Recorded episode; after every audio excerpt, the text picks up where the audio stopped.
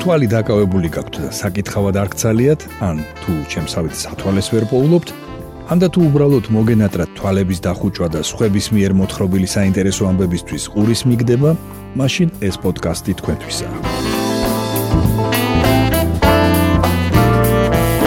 გამარჯობა. თქვენ უსმენთ რადიო თავისუფლების პოდკასტს მოლაპარაკე ტექსტებს. მოლაპარაკე ტექსტებს. მე ბიძინა რამიშვილი გახლავართ. აქ მოქმედი პირები არიან ტექსტები, რომლებსაც რადიო თავისუფლების ვებსაიტზე ვარჩევ თქვენთვის კვირაში ერთხელ და მათ მოსათხრობ ამბებად ვაქცევ ხოლმე.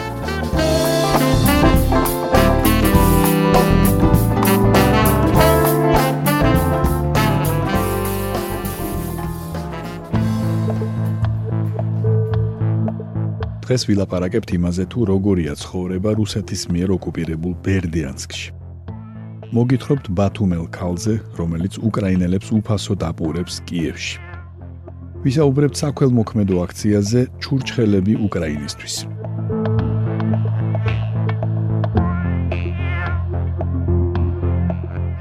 თავაზობთ ვიქტორია როშჩინას სტატიას როგორია ცხოვრება რუსების მიერ ოკუპირებულ ბერდიანსკში.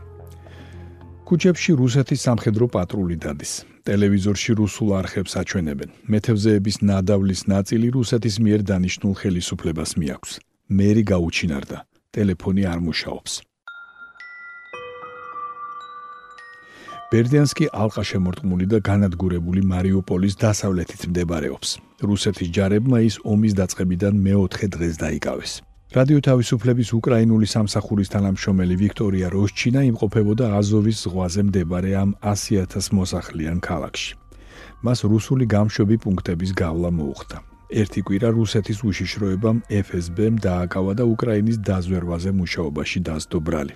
ქალაქი რუსული სამხედრო ტექნიკით იყო სავსე. სამთავრობო შენობები რუსებმა საკუთარ შტაბებად აქციეს.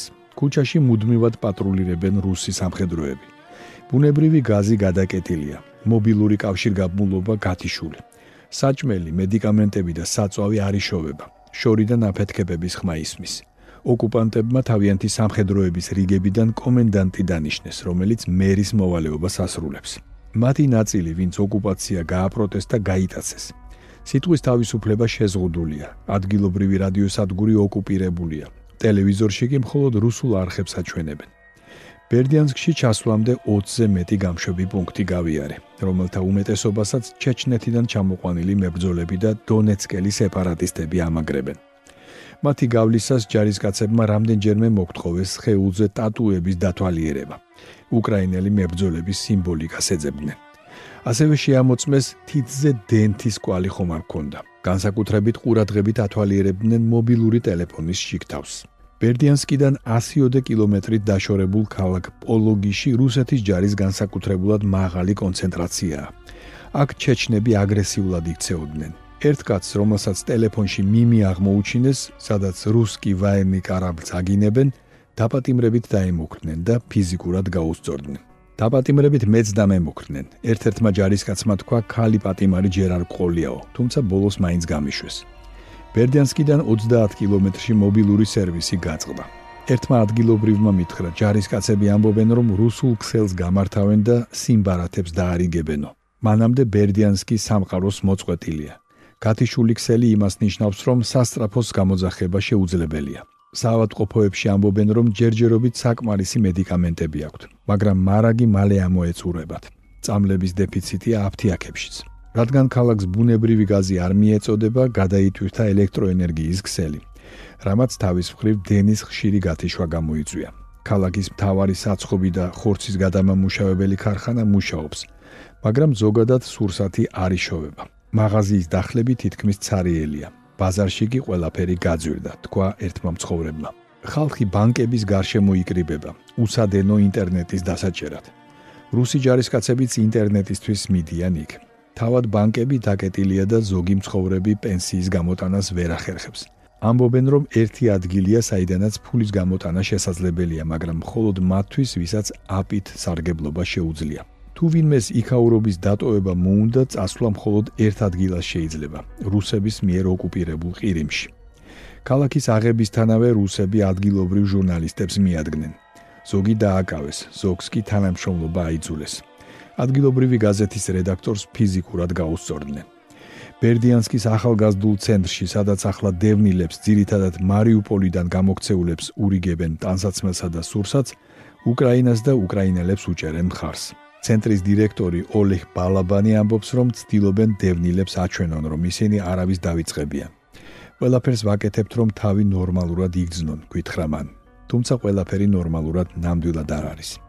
25 წლის კირილო ბერდიანსკში მარიუპოლიდან ჩავიდა, რომელიც რუსეთმა ფაქტობრივად მიწასთან გაასწორა. ის ამბობს, რომ მისი ასაკის ხალხი განსაკუთრებულად მძიმედაა ნანახით ტრავმირებული. კირილო ყვება, რომ მისი რამდენიმე მეზობელი ცოცხლად დაიწვა, როდესაც მათ корпус ხანძარი გაუჩნდა. ერთი კაცი მესამე სართულიდან გადახტა და გადარჩა, თუმცა ოჯახის წევრების ხსნა ვერ მოახერხა. კიდევ ერთმა დევნილმა გითხრა, რომ რუსებმა ხალხი მარიუპოლის მიმდებარე სოფლებიდან სეპარატისტების მიერ კონტროლირებად დონეცკის რეგიონში წაიყვანეს. ოლექსანდრი ბერდიანსკელი მეთევზეა. მან გითხრა, რომ მას და სხვა მეთევზეებს აიძულებენ დაჭერილი თევზის 30% ადგილობრივ ხელისუფლებას გადასცენ, თითქოს დევნილების დასახმარებლად.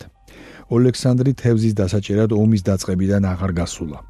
ჯერ ვუძლებთ რუსეთის ფედერაციასთან მოლაპარაკებებს არ ვაპირებთ, მითხრა მან. რუსების მიერ დანიშნული კომენდანტი ოლექსანდრ საულენკო ირწმუნება, რომ ქალაქში უამრავი ჰუმანიტარული დახმარება შემოდის. ქალაქის ახალი საბჭო დავაარსეთო ამბობს. ბერდიანსკში ოკუპანტებმა განცხადებები გამოაკრეს. რუსეთი უკრაინელ ხალხს არ ებრძვის, წერია ერთგან. რუსეთი ჩვენი მშვიდობისა და უსაფრთხოების გარანტია, ამტკიცებს მეორე.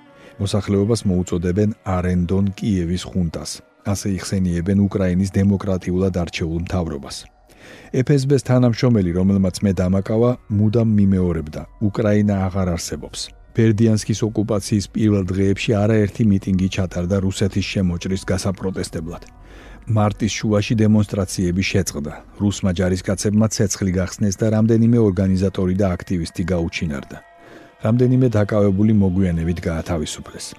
ისინი დაკითხეს, სცემეს და ელექტროშოკითაც კი აწამეს, გვითხრა ადგილობრივმა მცხოვრებმა, რომელმაც რუსი ჯარისკაცების შიშით ვინაობის გამხელა არის ურვა. ქალაქიდან წამოსვლის წინა დღეს ორმა ნიღბიანმა ბერდიანსკის ცენტრში უკრაინის დროშა ჩამოგლიჯა. უკანა გზაზე ყველა გამშვებ პუნქტში მეუბნებოდნენ: რატომ მიდიხარ უკრაინაში? აქ დარჩი. ერთ-ერთ გამშვებ პუნქტზე მარიუპოლელ კაცს, რომელიც ზაპოროჟიეში მიდიოდა, ჯარისკაცი აშინებდა. მაგ ქალაქს, რომელსაც უკრაინის მთავრობა აკონტროლებს, მარიუპოლის ბედი ელისო. ბერდიანსკში კი ბევრი დღესაც იმედიანად არის. კიდევ ერთმა მეთევზემ, სერჰიმ მითხრა: მე და ჩემი კოლეგები სულ მცირე ერთვეს მაინც გავძლებთო და გამოწვევით განაცხადა: რუსეთის ფედერაციასთან ჩვენ საქმეს არ დავიჭერთ. თქვენ მოისმინეთ ვიქტორია როშჩინას სტატია როგორია ცხოვრება რუსების მიერ ოკუპირებულ ბერდიანსკში.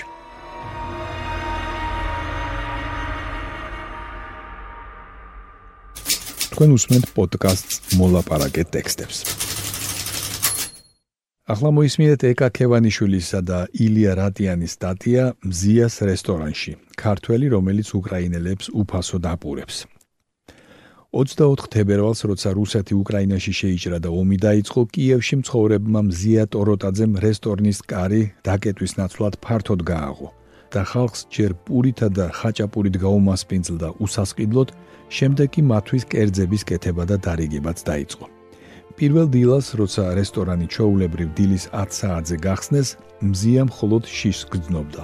ახლა რა იქნება? რა მოხდება? მაგრამ ზუსტად 1 საათის შემდეგ უკვე იცოდა რა უნდა ეკეთებინა. მეორე დღეს პირველი რაც გააკეთა, პური გამოაცხო. დაბნეული და შეშინებული ხალხი სწორედ პურს ეძებდა მაღაზიებში. 24 საათის განმავლობაში მის რესტორანს ასობით ადამიანი სტუმრობდა. თავიდან კიეველები ან კიევის ახლოს მცხოვრებნი, მათ შორის ისინიც, ვინც ქალაქს ტოვებდნენ.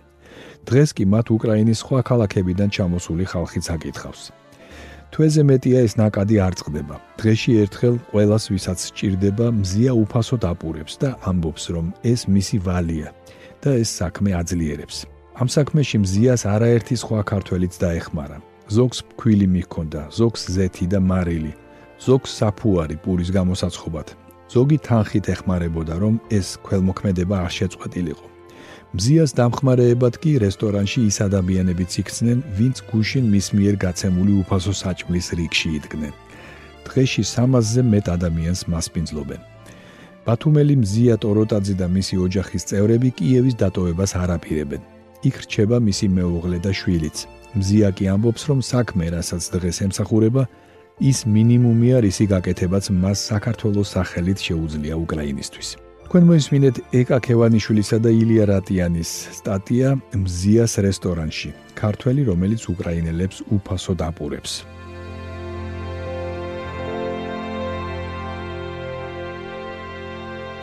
თქვენ უსმენთ პოდკასტს მოლაპარაკე ტექსტებს. თავაზობთ თეატოფურიას სტატიას ჩურჩხელები უკრაინისტვის.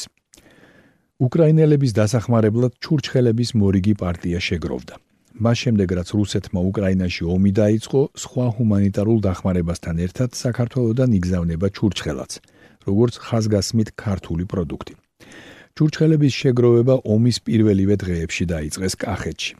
მედია კომპანია კახეთის ხმამ არასამთავრობო ორგანიზაციებთან ერთად მარტში 5000-მდე ჩურჩხელა მოაგროვა და პოლონეთის საელჩოს დახმარებით უკრაინაში გააგზავნა.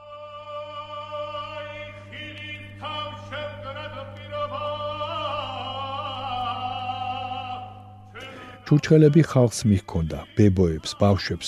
ერთმა გოგონამ 50 ცალი მოიტანა. ახლა გავაკეთეო.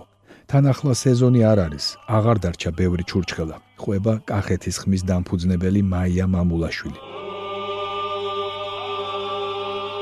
მოგვიანებით Facebook-ზე წერილი მიიღეს. უკრაინელი მეგობარი გვწერდა: დღეს საქართველოსდან გამოგზავნილი ჩურჩხელები დაგვირიგეს და ეს იყო მზის ხივი ამ გაყინულ ქალაქშიო. ჩურჩხელა და ომი ერთმანეთს პირველად არ დაკავშირებია. ეთნოლოგი როზეტა გუჯეჯიანი ამბობს, რომ ძველ საქართველოში ომში და სანადიროდ ისეთი საკვები მიჰქონდათ, რომელიც დროსაც უძლებდა და აბგაშიც ცოტა ადგილს იკავებდა. მშრალი ფეტვი, რომელსაც წყალში ხსნიდნენ და შეჭამანს აკეთებდნენ, წაბლი და ჩურჩხელა. გარდა ამისა, ჩურჩხელა ნოყიერიცაა. 100 გრამი 230-მდე კალორიას შეიცავს. ერთი ჩურჩხელა კი დაახლოებით 150 გრამია. ჩვენთვის ამოსავალი წერტილი ის იყო, რომ ეს არის ხაზგასმით ქართული პროდუქტი. არ სჭირდება განსაკუთრებული მომზადება. არ სჭირდება სპეციალური შენახვის რეჟიმი. ძალიან მარტივია გადასატანად. ამბობს მერაბ ლომინაძე.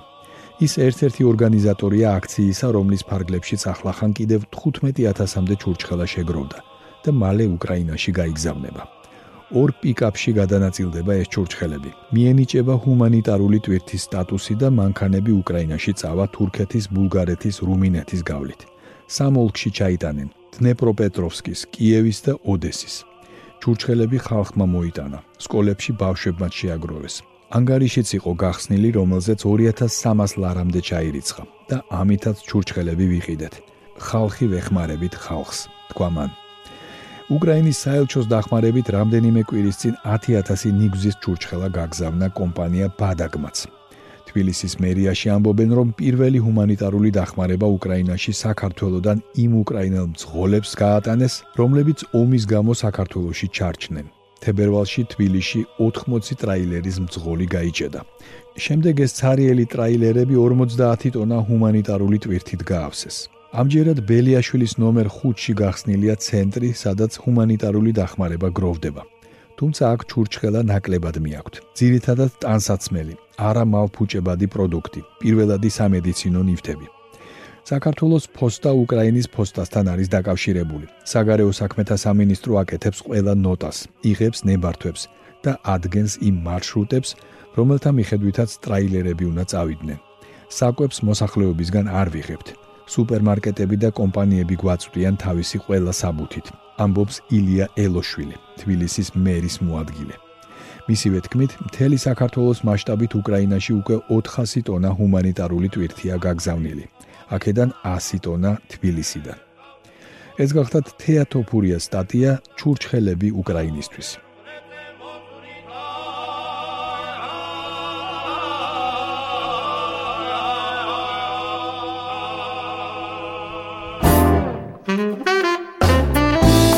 თქვენ მოისმინეთ რადიო თავისუფლების პოდკასტი მოლაპარაკე ტექსტები.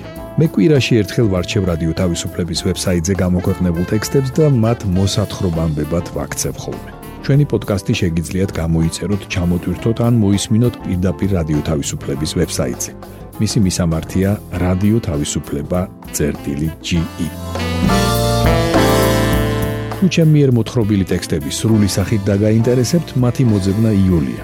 ვებსაიტზე, პოდკასტის გვერდზე იპოვეთ ყოველ ცალკეულ პროგრამაში მოთხრობილი ტექსტების ბმულებს. მე ბიძინა რამიშვილი ვარ. მომავალ შეხვედრამდე.